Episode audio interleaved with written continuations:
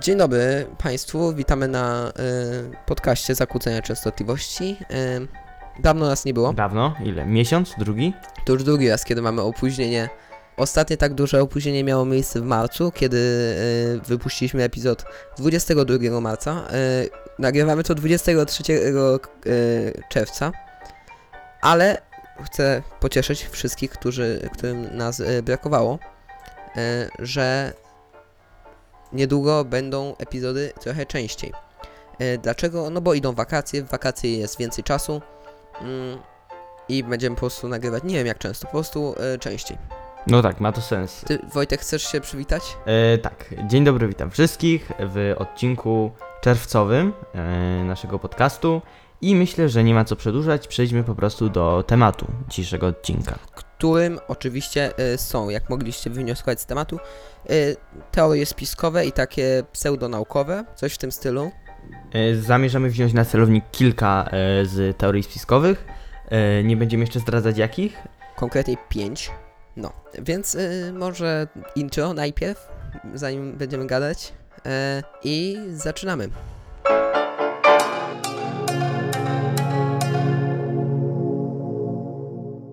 Dobrze, więc pierwszą naszą e, teorią, którą będziemy dzisiaj rozważać, e, jest, e, no, w skrócie UFO. UFO. Czym jest UFO? Najpierw warto zaznaczyć. To może powiedz. Tak, UFO, po polsku piękny skrót NOL. Same litery UFO pochodzą od Unidentified Flying Object. Po polsku jest to Eee. niezidentyfikowany obiekt latający, no czyli NOL w skrócie. A ciekawa jest e, historia, jakby pochodzenie tego słowa, e, określenia UFO, ponieważ UFO wywodzi się z e, nazewnictwa wojskowego e, lotnictwa Stanów Zjednoczonych, e, sił lotniczych e, i oni właśnie określali jako UFO obiekt latający, którego nie dało się zidentyfikować jako żaden znany pojazd, ani wyjaśnić żadnym ze zjawisk atmosferycznych. E, I później e, w czasach zimnej wojny e, to określenie zostało przypisane jakby mylnie do mm, latającego spotka istot pozaziemskich. Tak, i tu właśnie warto zaznaczy, zaznaczyć to, że UFO samo w sobie raczej nie jest kosmitami. UFO to jest niezidentyfikowany obiekt latający. Pojazd. Ja chciałem tak e, zarzucić taką e, myślą. Dlaczego wszystkim się wydaje, że obiekty, y, że statki kosmitów są talerzem? To jest jedna z gorszych y, kształtów, bo generalnie wątpliwe jest to, żeby życie wykształciło się na planecie bez atmosfery, a atmosfera raczej blokuje y, pojazdy o nieopływowym kształcie. Talerz może jest o opływowym kształcie, ale jeżeli leci do góry, no to robi wszystko, żeby opływowy nie być. Tak, e, tutaj daje się w znaki opór powietrza w takiej sytuacji. No, nie powietrza, ale atmosfery, No która... czegokolwiek, tak, każdy płyn, bo e, płyn to zarówno ciecz, jak i gaz. Gazy zachowują się bardzo podobnie do płynów, ale są rzadsze. Wszystko to stawia powietrze, stawia opór. Ale to tak jakby nieważne jest to. No tak ale jest, naprawdę. jest to w sumie warto, warto do zauważenia, że talerz, że statek kosmiczny nie byłby talerzem i warto też mm, wspomnieć o tym, że na przykład rakiety kosmiczne, które e, startują, chociaż według niektórych nie startują, ale do tego też przejdziemy, nie mają kształtu talerza e, i ich kształt no, na pewno każdy dobrze zna. I nie przypomina on Tak, może, talerza. możecie kojarzyć takie wydarzenie, nie, e, było niedawno, mianowicie Elon Musk wystartował e, z lotem załogowym. Nie latali talerzem. Owszem, ale takich sytuacji, w których y, wystrzelono, na, wystrzelono przy, przykładowo Teslę w kosmos, ale to, to jest to zupełnie co innego, ale y, nie wystrzelono, po prostu ją tam umieszczono, jeśli się nie mylę, tak? Y, w każdym razie, y, Nie pamiętam. no dawno to było.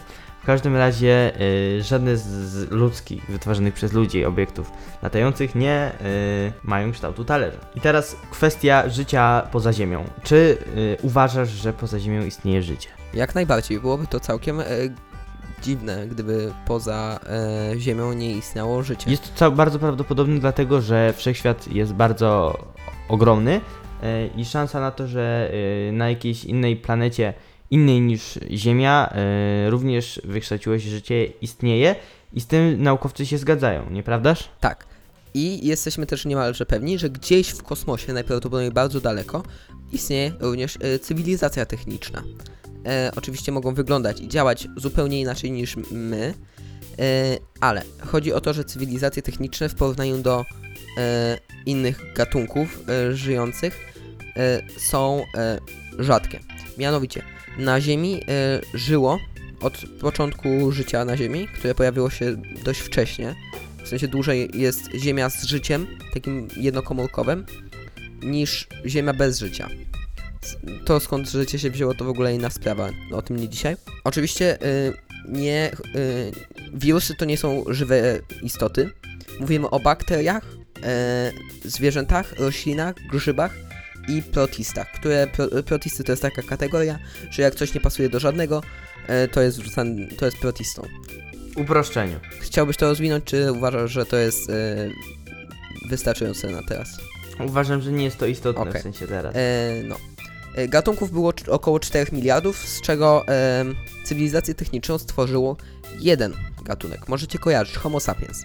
I tak samo, jeżeli znajdziemy życie we wszechświecie, to najprawdopodobniej będzie to jakiś mech. W sensie, e, po prostu Ale mech, w sensie mech, mech taki, o którym mówisz, jest już dość rozwiniętą formą, ale jednokomórkowce tak, są... okrzemki E, są małe. to samo, o czym mówiliśmy wczoraj, że niekoniecznie to musi być życie w takiej formie, w jakiej my sobie wyobrażamy, e, oparte na Tak, węglu. może być oparte na e, czymkolwiek tylko- e, innym, na pierwiastku, bo pierwiastki są te same. Tu możemy być pewni.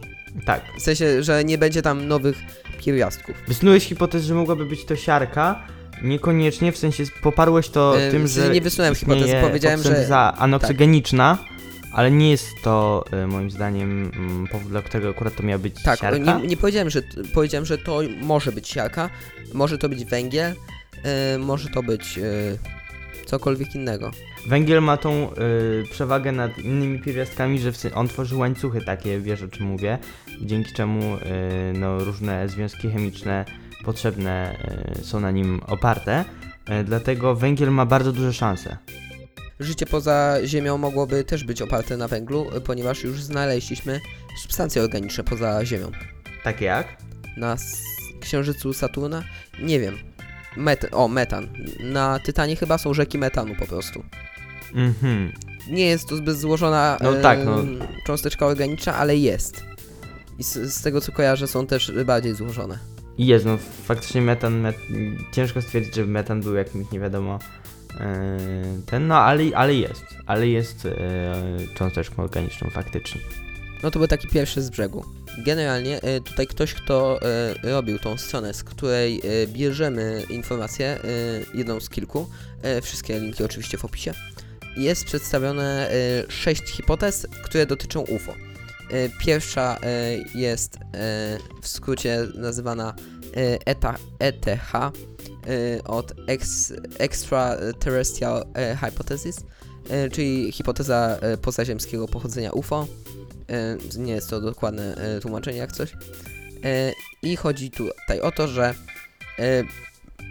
UFO to jest cywilizacja, która do nas przylatuje, jest na wyższym poziomie e, techniki niż cywilizacja ludzka, ale są z tego wszechświata e, i tak dalej. E, co szczerze jest w miarę możliwości Tak, to jest to, o czym się, w mówiliśmy sensie, prze- przedtem. tak, nie jest to niemożliwe, jest to po prostu bardzo mało prawdopodobne. To znaczy tak mało prawdopodobne jest istnienie cywilizacji. Już wcześniej mówię, że istnienie cywilizacji jest prawdopodobne, ale jest ono znacznie mniej niż istnienie No, jakiegokolwiek życia. jakby ma, mamy, mamy naoczny dowód, że cywilizacje mogą się tworzyć. No tak, widzimy. Druga hipoteza to hipoteza podróży międzywymiarowych. I ona jest jeszcze mniej prawdopodobna.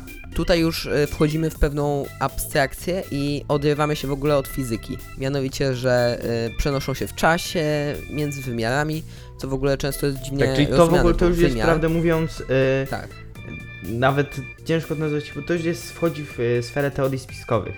tak, i jest generalnie taka bardzo ładna e, nazwa fantasy. Tak, dokładnie i y, jako pierwszy tą teorię podał ufolog, w ogóle ciężkie, ciężka, pro, dziwna profesja. Tak, podoba mi się, y, że generalnie te końcówki log to zazwyczaj są dla jakichś lekarzy, nie? Nie, no, nie tylko lekarzy, lekarzy no, do naukowców. naukowców. Na przykład kardiolog. Wow. A tutaj jest ufolog. I przejdźmy do kolejnej, y, do kolejnego punktu. Hipoteza psychosocjologiczna. Ta hipoteza uznaje UFO za zbiorową halucynację potęgowaną przez kulturę masową. I y, czyli tutaj mówimy o czymś w stylu y, buzie widzę. Buzię widzę! Twarz widzę! Buzię! Ja nie widzę. Ja widzę! Czyli y, wydaje nam się, że widzimy UFO, i- ale tak naprawdę tego nie widzimy. Dopatrujemy się tego tam, gdzie tego nie ma. Tak, i może to właśnie odpowiadać e, za to, co wysnuliśmy wcześniej, czyli dlaczego tak dużo osób widzi e, talerze. A przynajmniej wydaje mi się, że widzą talerze. Chodzi o to, że e, ludzka psychika w pewien, w pewien sposób podpowiada, co powinniśmy widzieć. Taka sugestia. Tak, jeżeli widzimy coś, powiedzmy, podłużnego na niebie, bywają takie chmury na przykład, to możemy stwierdzić, że to jest UFO. A nie jest. E, I kolejny punkt, czyli e, hipotezja naturalnych zjawisk atmosferycznych, na przykład piorun kulisty, czyli że za UFO bierzemy coś, co jest po prostu zwykłym zjawiskiem atmosferycznym i nie ma nic wspólnego z. E, Nie do końca zwykłym, bo pion kulisty to jednak jest dość rzadka i niezwykła. no tak, Rzecz. ale nie jest to mimo wszystko niezidentyfikowany obiekt latający. To prawda. Ale też, tak jak mówiłem, e, do zjawisk atmosferycznych zaliczają się chmury w różnych kształtach, e, które czasami się poruszają jakoś, że może się wydawać ludziom, którzy mają już takie uprzedzenia właśnie ufologów, czy osób wierzących, że UFO gdzieś tam lata przez dziesiątki lat nad Ziemią. Czyli co, kolejny punkt? Mm, Wydaje mi się, że tak. E, hipoteza wpływu trzęsień ziemi i zachodzenia na siebie płyt tektonicznych, które to zjawiska mogą powodować e, powstawanie świateł w atmosferze, a nawet wywoływać halucynacje u ludzi yy, w postaci silnych zmian pola elektromagnetycznego. Co sądzisz na ten temat? Musiałbym doczytać na ten temat, e, bo nie wiem. Nie, nie wiem, jak e, zachodzenie na siebie płyt tektonicznych może e, zmieniać pole elektromagnetyczne, a tym bardziej światła w atmosferze. Albo wywoływać halucynacje u ludzi, no ale chyba rozumiem mniej więcej o co z tym chodzi. Nie mamy tutaj też, nie ma żadnych przypisów co do tego punktu, więc nie wiemy, czy, czy faktycznie tak to jest, ale źródło tak podaje. Tutaj nie bierzemy za pewnik. I ostatni punkt. Hipoteza demonicznego wymiaru zjawiska. E, tutaj uwaga, poleci cytat. Według zwolenników tej teorii zjawisko UFO stanowi nowy, dostosowany do współczesności sposób manifestacji sił demonicznych. Jako argumenty podają oni częste powiązanie zjawisk UFO z tzw. New Age, a także cechy obiektów UFO i ich rzekomych załóg, które od wieków znane były osobom parającym się okultyzmem i spirytyzmem. E, chodzi na przykład o telepatię, lewitację, materializację, łamanie praw fizyki itp. E, Niektórzy entuzjaści tej teorii wskazują e, także, że występuje ono często na obszarach, w którym rozmaite formy spirytyzmu cieszą się popularnością. Przykład New Age w USA, okultyzm w Ameryce Południowej. W Polsce zwolennikiem tej teorii jest m.in. znany katolicki badacz zjawisk New Age, e, ojciec chyba Aleksander e, Posa- Posadzki. Hmm. Chodzi tutaj o to, że uważamy e, UFO e, za diabła, coś w tym stylu. Czyli to jest bardziej No, e, że uważamy, że to jest- wersja. Coś, co diabeł manifestuje swoje istnienie w ten sposób i tak jak ksiądz Notanek twierdził, To wiedz, że coś się dzieje. no ten ostat, ostatni punkt o hipotezie demonicznego wymiaru zjawiska, no to, to możemy go odrzucić chyba z góry. Tutaj chyba nie będziemy się kłócić w tej kwestii. E, tak, w sensie jest to jakby bardzo nienaukowa e, teoria. E, no, po, pozostałe, może oprócz tych podróży międzywymiarowych, są e, miary możliwości trzymają się rzeczywistości. E, w sensie, e, hipoteza psychosocjologiczna wed- chyba najbardziej do mnie przemawia. E, bo Tak, jednak tak. e, na- Ona ma sens. Tak. Naturalne zjawiska mogą to jeszcze podsycać. Jeżeli chodzi o trzęsienia ziemi, to nie wiem i doczytam prawdopodobnie po podcaście. Pozaziemskie pochodzenie UFO, czyli to ETH, które nie jest odrzucane przez naukę, e, jest ciekawe, moim zdaniem. jest ciekawe i to by było prawdziwe UFO. Jakby te pierwsze dwie nie mówią, że UFO to nie UFO, mówią, że UFO to kosmici właśnie. E, W sensie UFO to pojazdy kosmitów, e, ale ta podróż międzywymiarowa jest nienaukowa jak na e, jak na nasz stan wiedzy. Y, W sensie podróże z czasem Tak. to jest trochę inna sprawa, bo nie wiemy, y, nie ma jak na razie dowodów, e, a nawet śmiesznie sprawdził to Stephen Hawking, że nie da się podróżować w przeszłość.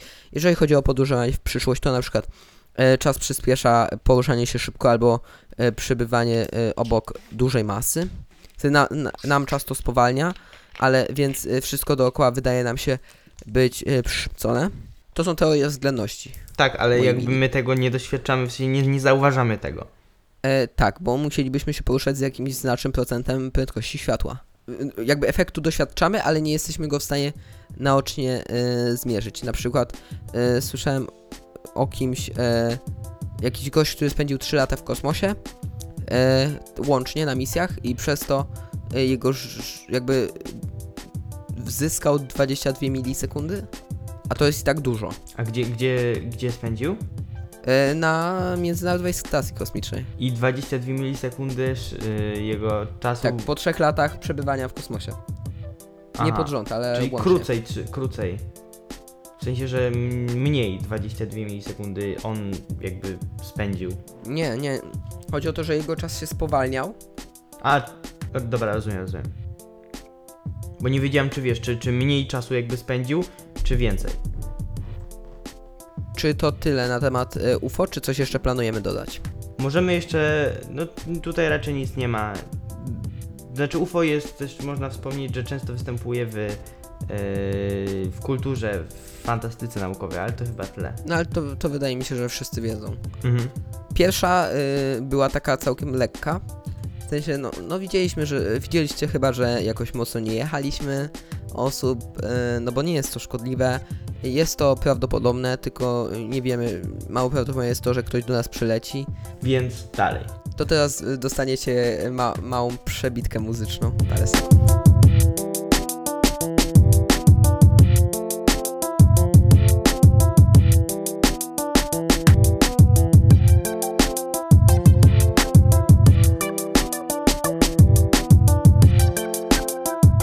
Dobra, druga teoria to e, też kosmiczna.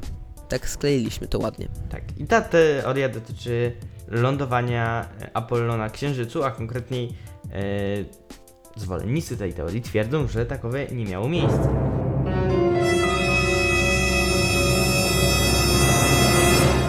I że to wszystko było nagrane na planie filmowym. przez. E, nawet e, podoba mi się to, że znaleźli reżysera, który by to nagrał. E, tego, Kubricka. To się nazywa konkretna pełna teoria, nieprawda?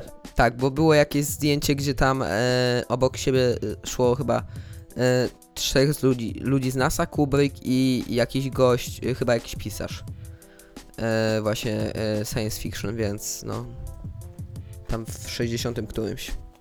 No, ciekawa sprawa. E, generalnie, jeżeli nie wiecie, e, kiedy wylądowaliśmy na Księżycu, no to stało się to w 1969 roku, e, gdzieś w lipcu.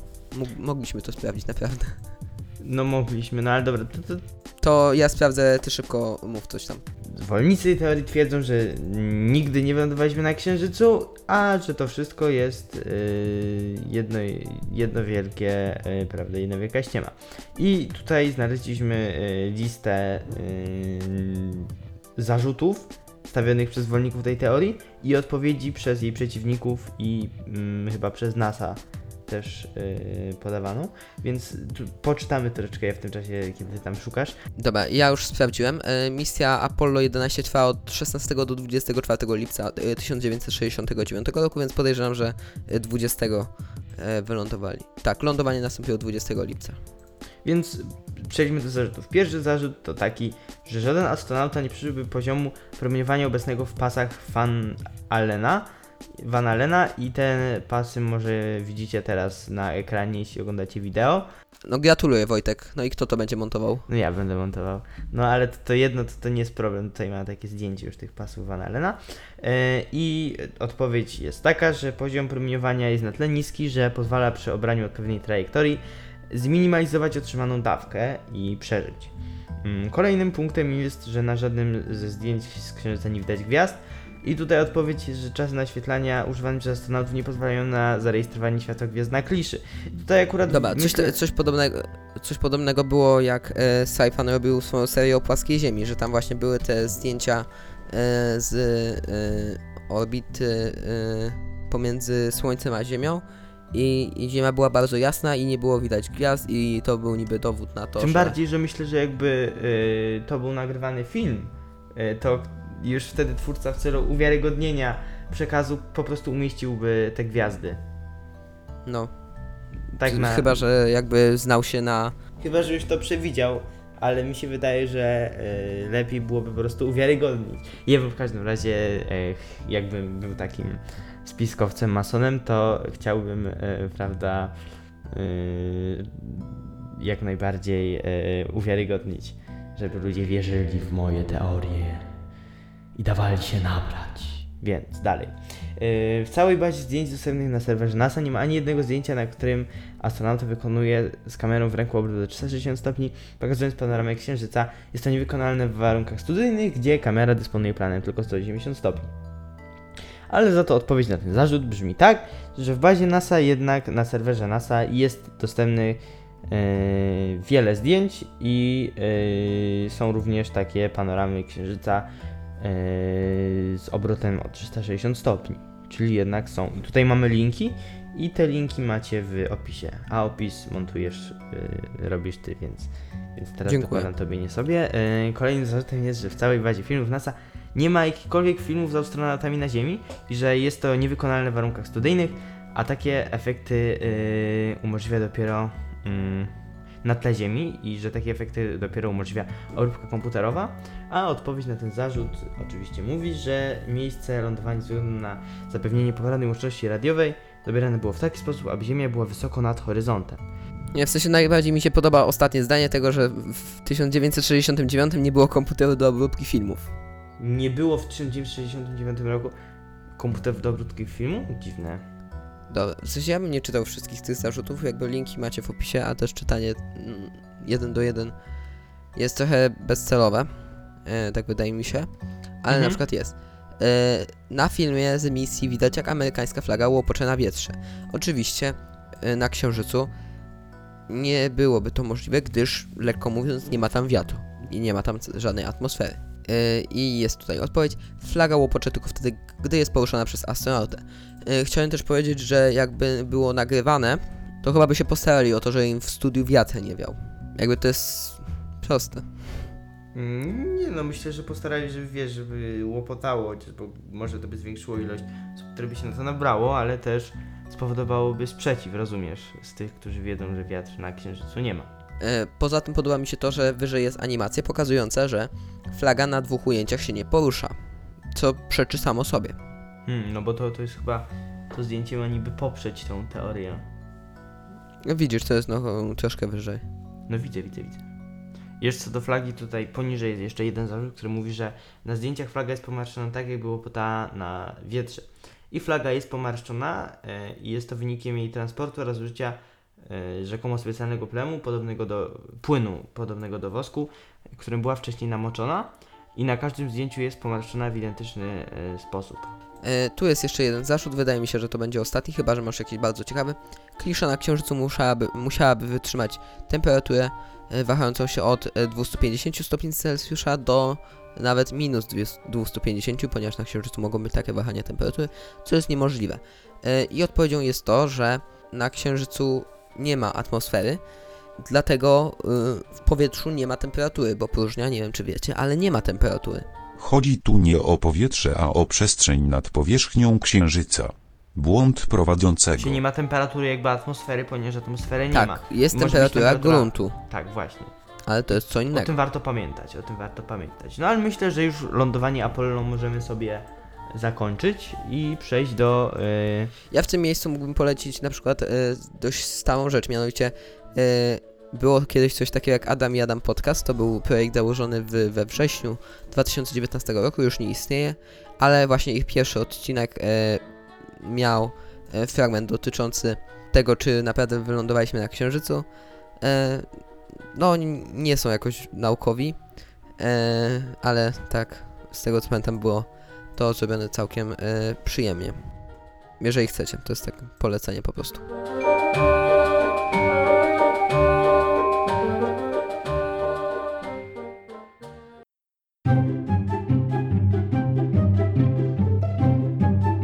E, Organizm zmodyfikowany genetycznie, czyli GMO. I czym jest GMO? No to mm, tak, czyli. mm, Organizmem zmodyfikowanym genetycznie. Właśnie to powiedziałem. I taki organizm, po prostu jego genom jest zmieniony różnymi metodami inżynierii genetycznej, czyli e, świadomej i celowej ingerencji w materiał genetyczny e, organizmów, e, która to ingerencja ma na celu zmianę ich właściwości dziedzicznych.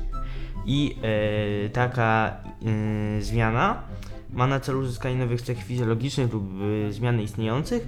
I pierwszy genetycznie zmodyfikowany organizm został stworzony w 1973 roku, a yy, pierwsze próby polowe miały miejsce w 1986 i były to próby dotyczące tytoniu.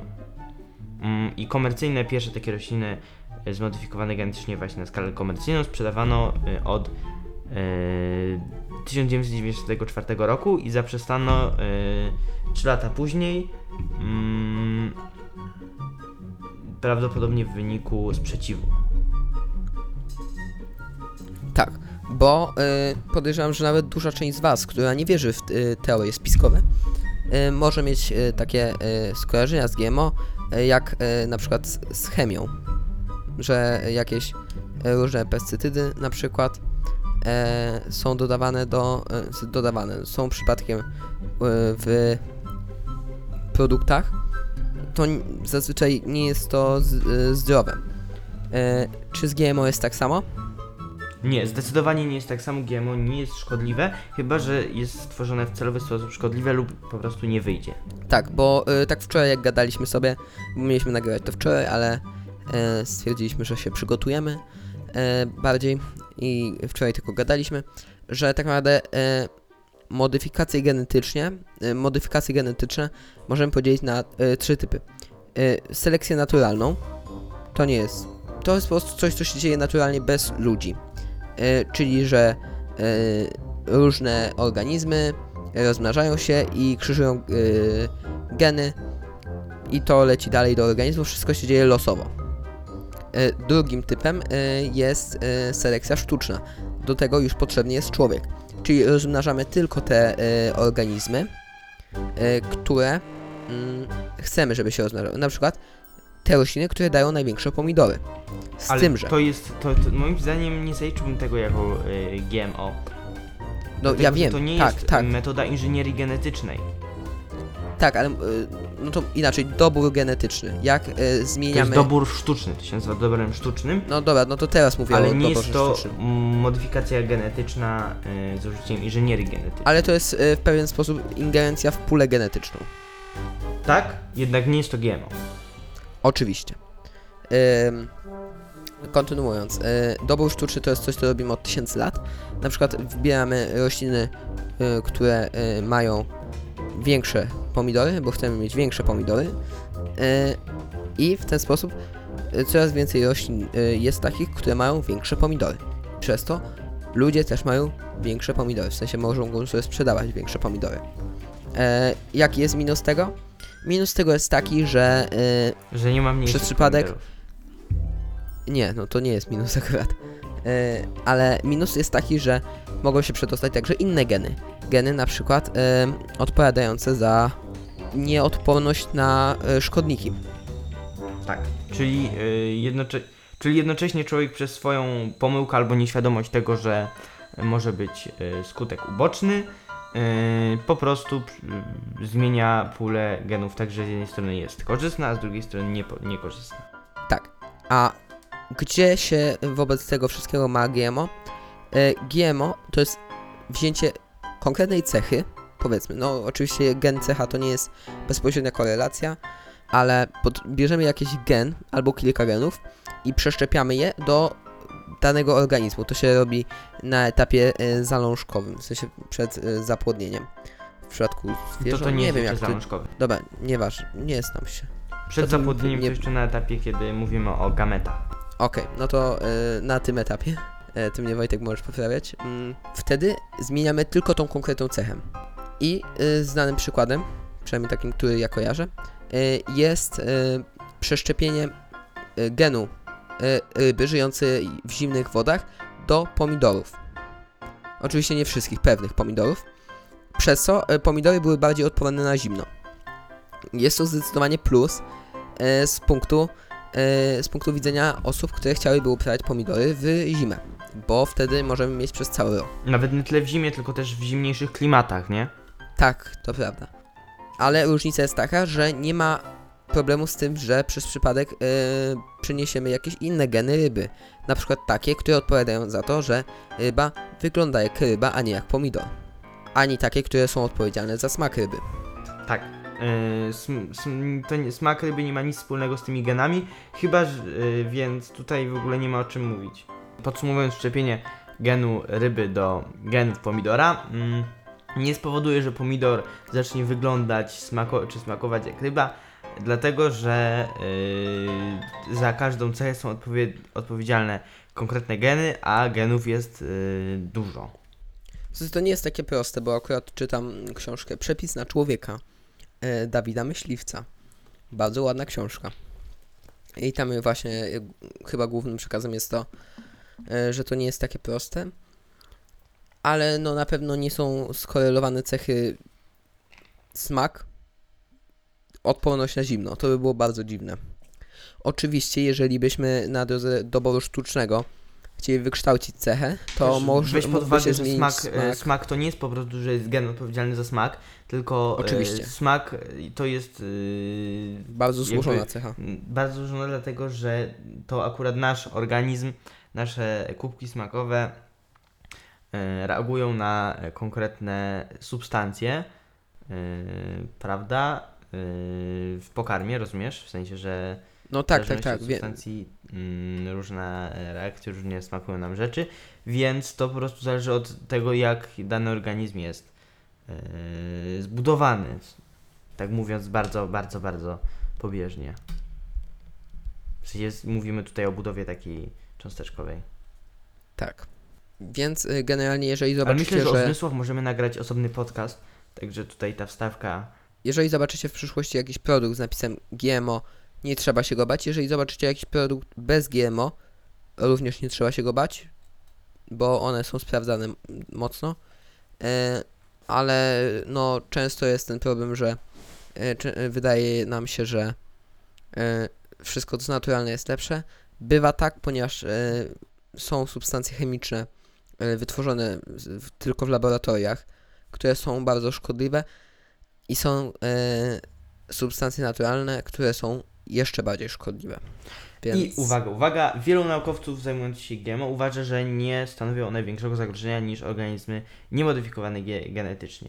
I tutaj mam przed oczami listę wielu, wielu, wielu e, mm, organizacji z różnych e, krajów, również też organizacji międzynarodowych, tak jak Światowa Organizacja Zdrowia, polskich, Polska Akademia Nauk, Chińska Akademia Nauk, no to tutaj nie wiem, ale Francuska Akademia Nauk, czy również Papieska Akademia Nauk, jeśli ktoś e, bardziej ufa jej niż.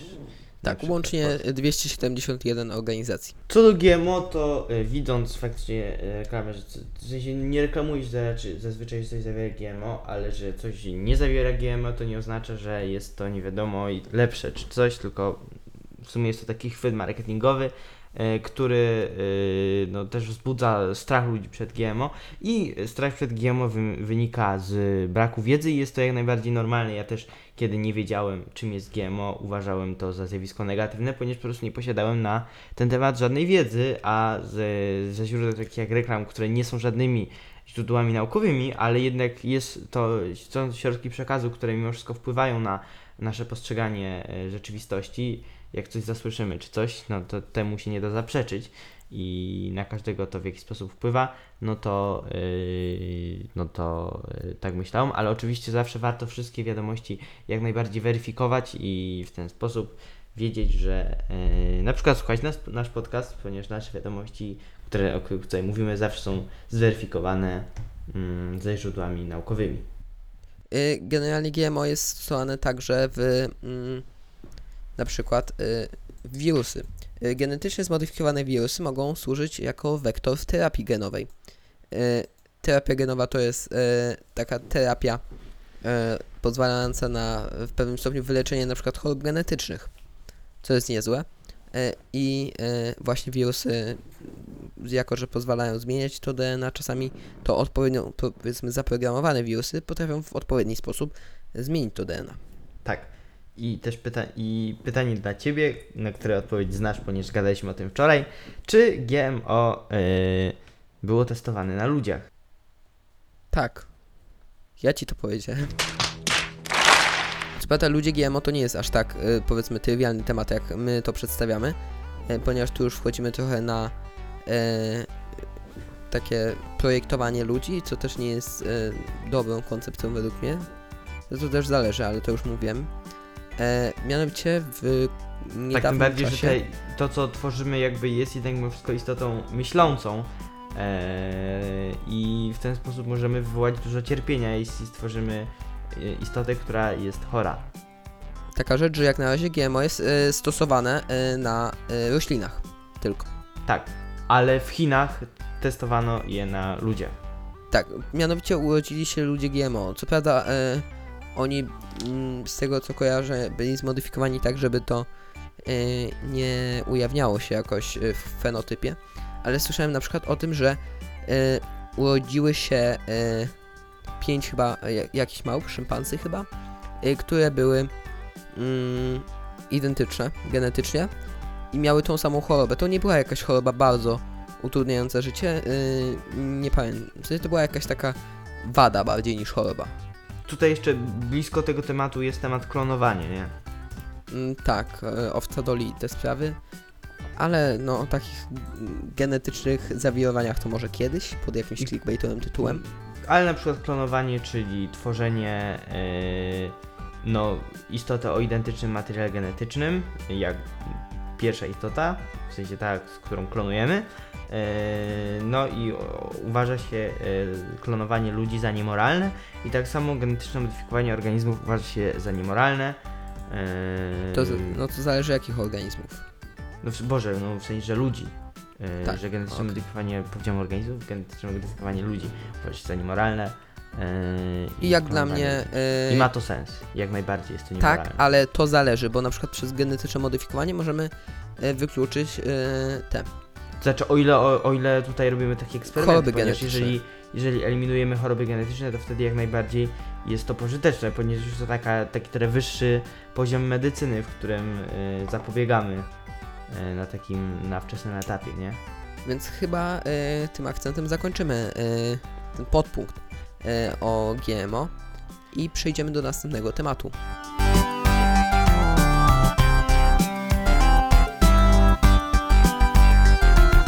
No i y, następnym tematem są antyszczepionkowcy. Antyszczepionkowcy są tematem rzeką, jest to bardzo szkodliwy ruch, który, Wydaje mi się, że najbardziej szkodliwy ze wszystkich. który tu wymieniliśmy, ponieważ wcześniej co było? Strach przed GMO to jest strach przed ułatwianiem życia, Tak, ale jakby nie zagraża życiu. nawet jeżeli by zakazano GMO, to by się może lekko odbiło na gospodarce na przykład, ale no spokojnie. Y, Nie byłby to problem. Tak samo y, lądowanie na Księżycu, no to, że grupka osób tak sobie uważa, y, nie oznacza, że nie, nie, nie jest problemem dla nas. Tak samo UFO. Ale szczepionki to jest już coś, co ratuje życie. a ich brak powoduje rozprzestrzenianie się chorób y, dalej i stanowi zagrożenie dla y, po prostu zdrowia ludzi. Nie tylko antyszczepionkowców, którzy się nie zaszczepią. Tak, y, bo właśnie ja bym zaczął od tego, że ktoś może y, na sam y, początek przywołać coś takiego, że Jak antyszczepionkowcy nie chcą się szczepić, to niech się nie szczepią, umrą i koniec, to ich problem. nie do końca. Bo są osoby, które y, szczepić się nie mogą na niektóre rzeczy y, z powodu alergii różnych.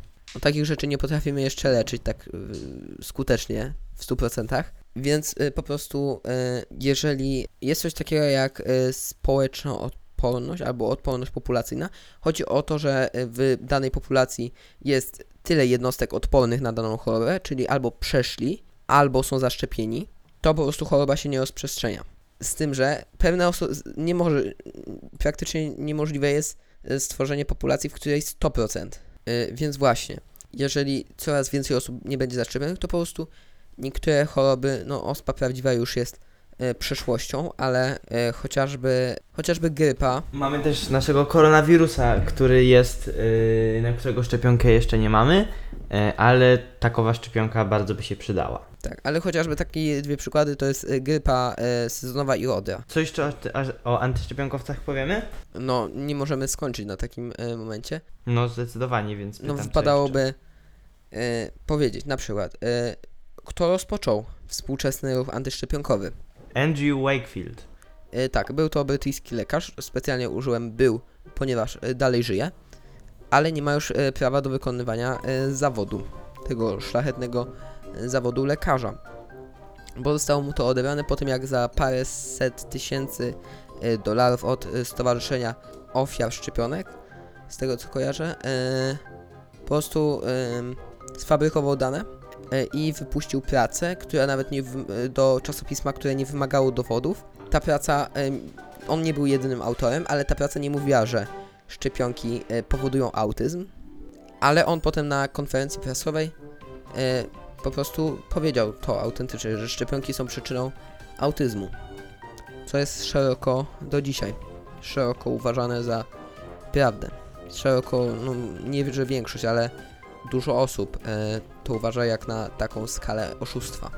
I co trzeba stwierdzić, to to, że y, mm, on dostał 435 tysięcy funtów i te pieniądze dostał od prawników działających na zlecenie rodziców i ci rodzice chcieli otrzymać odszkodowanie od koncernów farmaceutycznych za rzekome szkody wywoływane przez szczepionki. A w 2014 roku zostało przeprowadzone badanie na 1,2 milionach miliona dzieci i to badanie wykazało brak jakiegokolwiek związku między, tak, bardzo duża między szczepionką na y, MMR a autyzmem. I to on tutaj właśnie mówił o tych szczepionkach na, na MMR.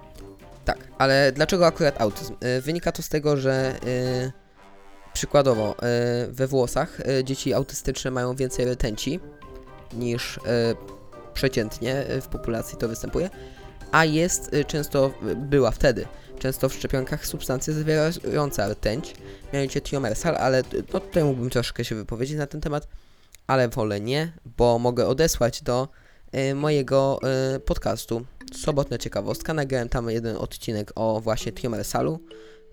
Y, tytuł Dlaczego w szczepionkach znajduje się rtęć. Y, link w opisie. Na wszystkich platformach podcastowych. Jeszcze na koniec będę się reklamował. A Jerzy Zięba, przykładowo, o którym mówiliśmy w odcinku drugim o koronawirusie, kiedy jeszcze ten temat nie był tematem wywołującym odruch wymiotny u każdego słuchacza, yy, ale mimo wszystko polecam bardzo ten odcinek. Nie, w sensie ja, jeżeli chcecie, to sobie posłuchajcie, bo tam mówimy też dużo rzeczy e, prawdziwych, ale e, po pierwsze nie wiedzieli, nie mieliśmy pojęcia, że to rozrośnie się do takiej skali, bo my tam mówiliśmy w momencie, kiedy W było... Polsce jeszcze nie było ani 100 jednego przypadku. Wiesz co, m- my to mówiliśmy, kiedy na świecie było 132 zgony. Chyba. Nie jest to 32, więcej, więcej. No nie wiem, ale było tysiąc ileś e, zakażonych. E, więc, Na, pewno coś chyba podchodziło już pod 9 tysięcy, mogę się mylić. Nie Może. pamiętam. nie wiem, my to nagrywaliśmy pod koniec stycznia. E, więc no, trafiliśmy w ten temat. Niestety. A nie, To- nie, nie, nie, wtedy jeszcze było mniejsze niż na, e, niż na SARS pierwszy. E, Tak, tak, wtedy to, to mówiliśmy właśnie, że jeszcze nie dobiło do SARS-a. No, wtedy jeszcze nie byłem aż tak, e, nie wczytałem się w epidemiologię wtedy. Tak, ale ten odcinek był bardzo, bardzo wartościowy ze względu na wiedzę na temat Tak. wirusów, którą żeśmy tam zawarli. No i jak E, jechaliśmy w fake newsy, to też jest. Tak. I ten Jerzy Zięba twierdzi, że e, Nie jest oskarżenia e, w- wysunięte w Andrew, to nie jest spoiler, w Andrew Wake- Wakefielda A, są mówisz, bezpodstawne i że on jest niewinny i że szczepionki są, są złe i w ogóle. Ale Jerzy Zięba mówi dużo. Dużo i niepotrzebnie. Dobrze, więc warto powiedzieć, że e, szczepionki to jest, em, no lekko mówiąc, ważna rzecz. E, ponieważ, e, owszem, na wiele chorób mamy leki, ale na wiele chorób nie mamy leków. Poza tym, E, leki e, są dużo mniej, skuteczni, e, dużo mniej skuteczne niż szczepionki, ponieważ jak się zaszczepimy, to nie chorujemy na tę chorobę w, w, w dużej ilości przypadków. E, oczywiście żadna e, szczepionka nie jest stuprocentowa. Antyszczepionkowcy są o tyle szkodliwi, że e, ich poglądy, nieszczepienie się mogą wpływać negatywnie na zdrowie ogółu populacji. Okej, oczywiście szczepionki to jest na tyle duży temat, że prawdopodobnie poświęcimy, e, poświęcimy temu e, cały podcast kiedyś. No tak jak mówiłem, ja też zrobiłem swój, więc e, no wróci to na pewno. Teraz macie tak pokrótce mniej więcej przedstawione.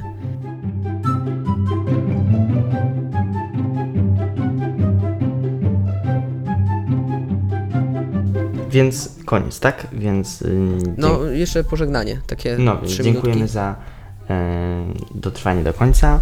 E, zapraszamy na nasze. E, Źle to robisz, Wojtuś. Popatrz, to się inaczej robi.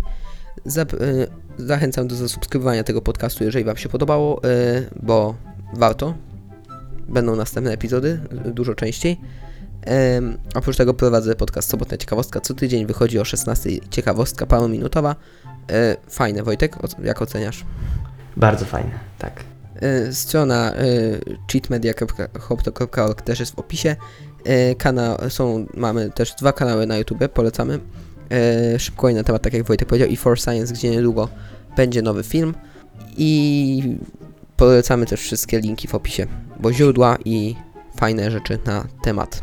No, to, to, to chyba na tyle. Jak Ci się podobało dzisiaj? Bardzo fajnie dzisiaj było. Na luziku temat taki. Tak, taki, że można się pośmiać z niektórych. Y, oczywiście też niektóre teorie spiskowe pominęliśmy, bo czasami powiedzielibyśmy o nich za mało, a czasami za dużo wręcz. To jest Więc temat rzeka. y, tak, więc do nich ewentualnie będziemy wracać w osobnych odcinkach. I do usłyszenia niedługo. Prawdopodobnie za mniej niż miesiąc. Do widzenia. Do widzenia.